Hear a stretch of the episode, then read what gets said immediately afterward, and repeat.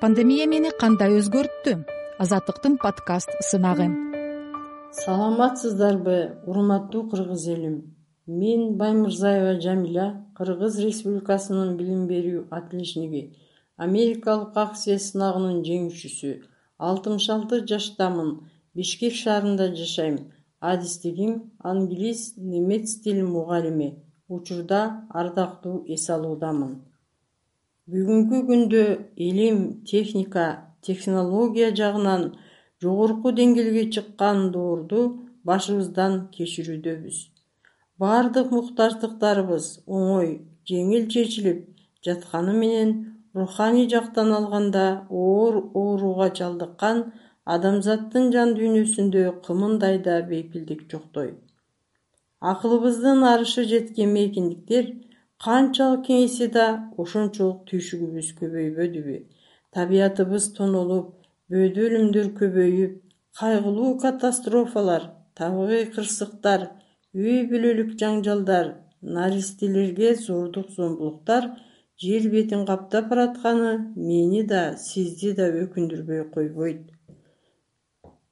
Күн сайын кыргыз элимдин кең пейилдиги асыл кадыр баркы аруу намысы улууларга болгон сый урматы кичүүлөргө көрсөткөн ызааты көз алдымда жоголуп бараткансыйт бүгүнкү күндө коомчулук руханий азыкка адеп ахлакка жакшы жүрүм турумга бири бирине болгон жылуу мамилеге муктаж болуп турганда алла таала мусулмандарым ойлонсун күнөөлүү иштерден баш тартсын деп кээ бир кыйынчылыктарды сыноолорду көрсөтүп турат ар бир нерсе аллахтын каалоосу өкүмү менен болорун эстен чыгарбашыбыз керек.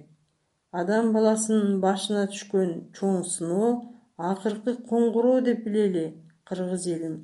Адам баласы көчөдө баратканда же болбосо алыска сапар тартканда түйшөлөсүң ойлонуп капаланасың кайгырып кубанасың сүйүнөсүң мына ушул абалдар жан дүйнөбүздү аралап өтөт бул өмүр тарыхы.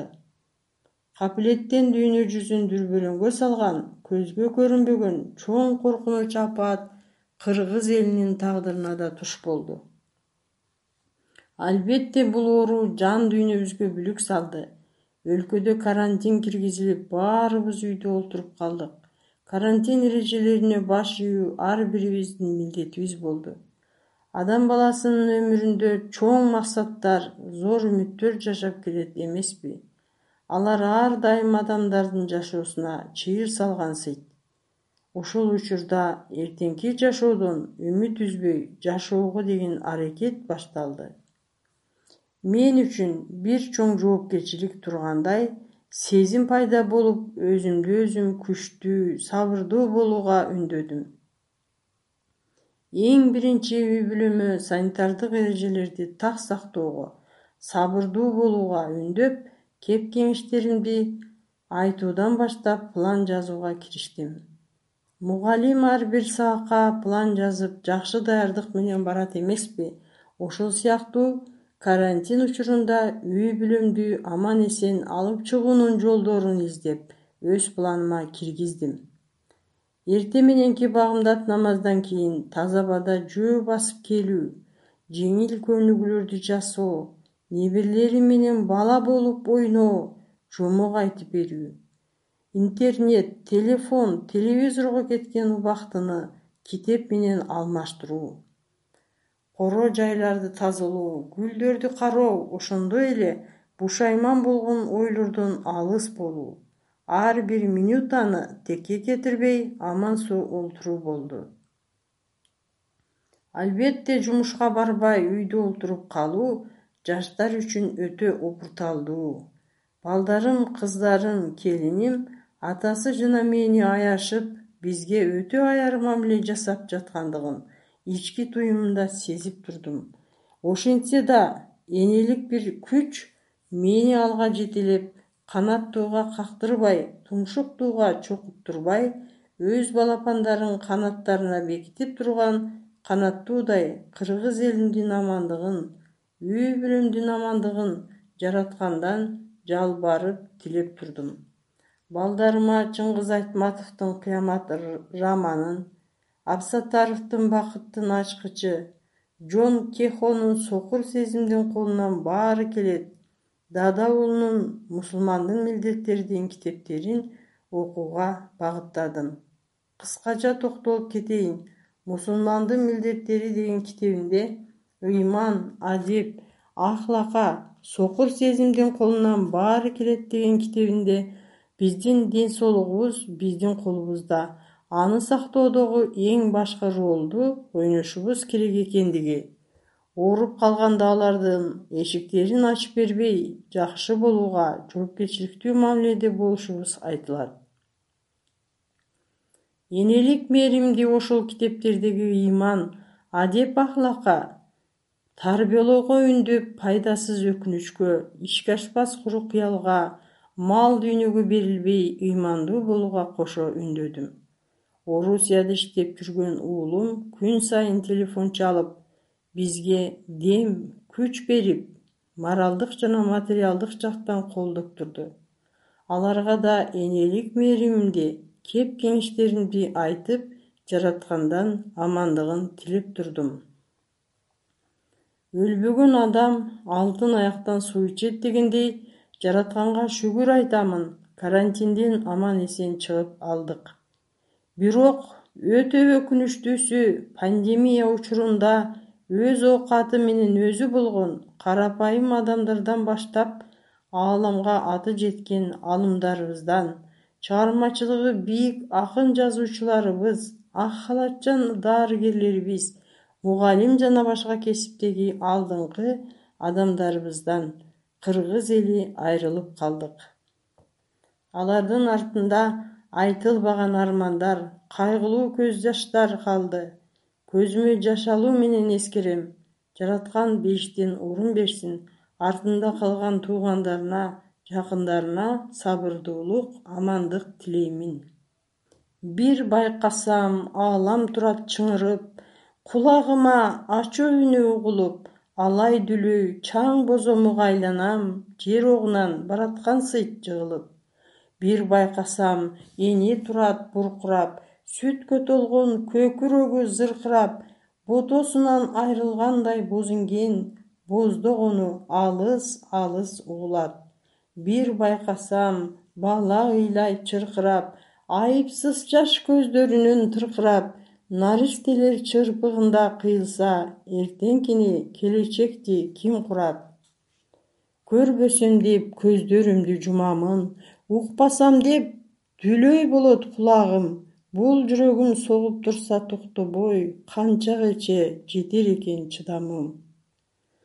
Айтып бүткүс кагаз бетине батпай турган оор кайгылуу тагдырлар. Ал эми ушул учурда жумушу жок үй жайсыз жеенге тамагы кийерге кийими жок балдардын бага албай ыйлаган энелерди көрүп эмне жардам кылсам деп жүрөгүң сыздайт ошол учурда өз ыктыяры менен суурулуп чыгып жардам колун сунган ар бир демилге көтөргөн ыктыярчы топторго чын жүрөгүмдөн ыраазычылык билдиремин. Ден соолугу бекем бактылуу болушсун. Коомубузда жакшы адамдар бар үчүн жер эне баарыбызды кучагына батырып турат. Жараткан жер жүзүндө жашаган бардык жандуу менен жансызды адам баласын бири бири менен тыгыз байланышта экендигин далилдеди. Мугалимдерибиздин кадыр баркын ак халатчан алтын колдуу дарыгерлерибиздин аба суудай керектигин сездирди. Жараткан жакшы менен жаманды оор менен жеңилди бай менен кедейди алдуу менен алсызды бир сызыкка теңеди. Пандемия күчөгөн учурда менин жашоомдо кандайдыр бир ой түрмөктөрүмдү бир уучка чогултуп тынчсызданууну жаратып эртеңки күнү эмне болуп кетет? Эмне күтүп турганын билбей балдарымдын келечеги кыргыз элинин келечегинен санаа тартып тургандай болдум. Урук тууган колу коңшу дос тааныш куда сөөктөр менен жүз көрүшө албай кездешүүдөн чочуп алыстадык. Кандайдыр бир эркиндикти самадык ички жан дүйнөбүз толуп ташып эртеңки жакшылыктан үмүт кылып жаттык. Албетте ар бир нерсенин оң тарабын айтуу менен жашоомдун маани маңызы өзгөрүлгөндүгүн айтпай кетүү мүмкүн эмес. Ар дайым санитардык эрежелерди так сактап жүрүүгө бушайман болгон ойлордон алыс болууну адам өмүрү кымбат адам өзүн өзү баалоону үй бүлөмө ыйман ынсаптуулуктун адеп ахлактуулукту көбүрөөк көңүл бурууга үй бүлө менен чогуу олтуруп чогуу тамактануу берекелүү да эне үчүн бул бакыт экенине дагы бир жолу ынануу менен сездим. Ошондой эле пандемиянын бизге жана айлана чөйрөгө тийгизген оң жактарын айтайын. Эртең менен жымжырттык эң бир сонун таза аба чымчыктар сайрайт зуулдаган автоунаалар жок. Айлана мемирейт көз жоосун алган ар түркүн кооз гүлдөр кандайдыр бир алам мейкиндиги тазарып кыйноодон бошонуп дем алгандай көрүнөт. Албетте пандемия адамзатты калыбына келтирди дегенден алысмын. Жараткандан берилген эскертүү ар бир адамга бул сабак келген апаатсыз эле ички жан дүйнөбүздү оңдосок болот го. Келгиле кыргыз элим ички жан дүйнөбүздү агарталы. Кайсы жумушта ким болбойлу?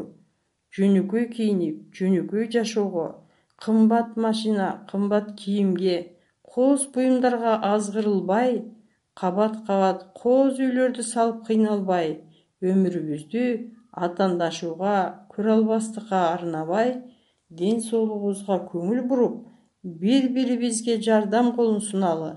Бул күндөр да өтөт жакшы күндөр да келет. Баарыбыздын үйүбүзгө черткилеп жакшылыктар күтүп турат.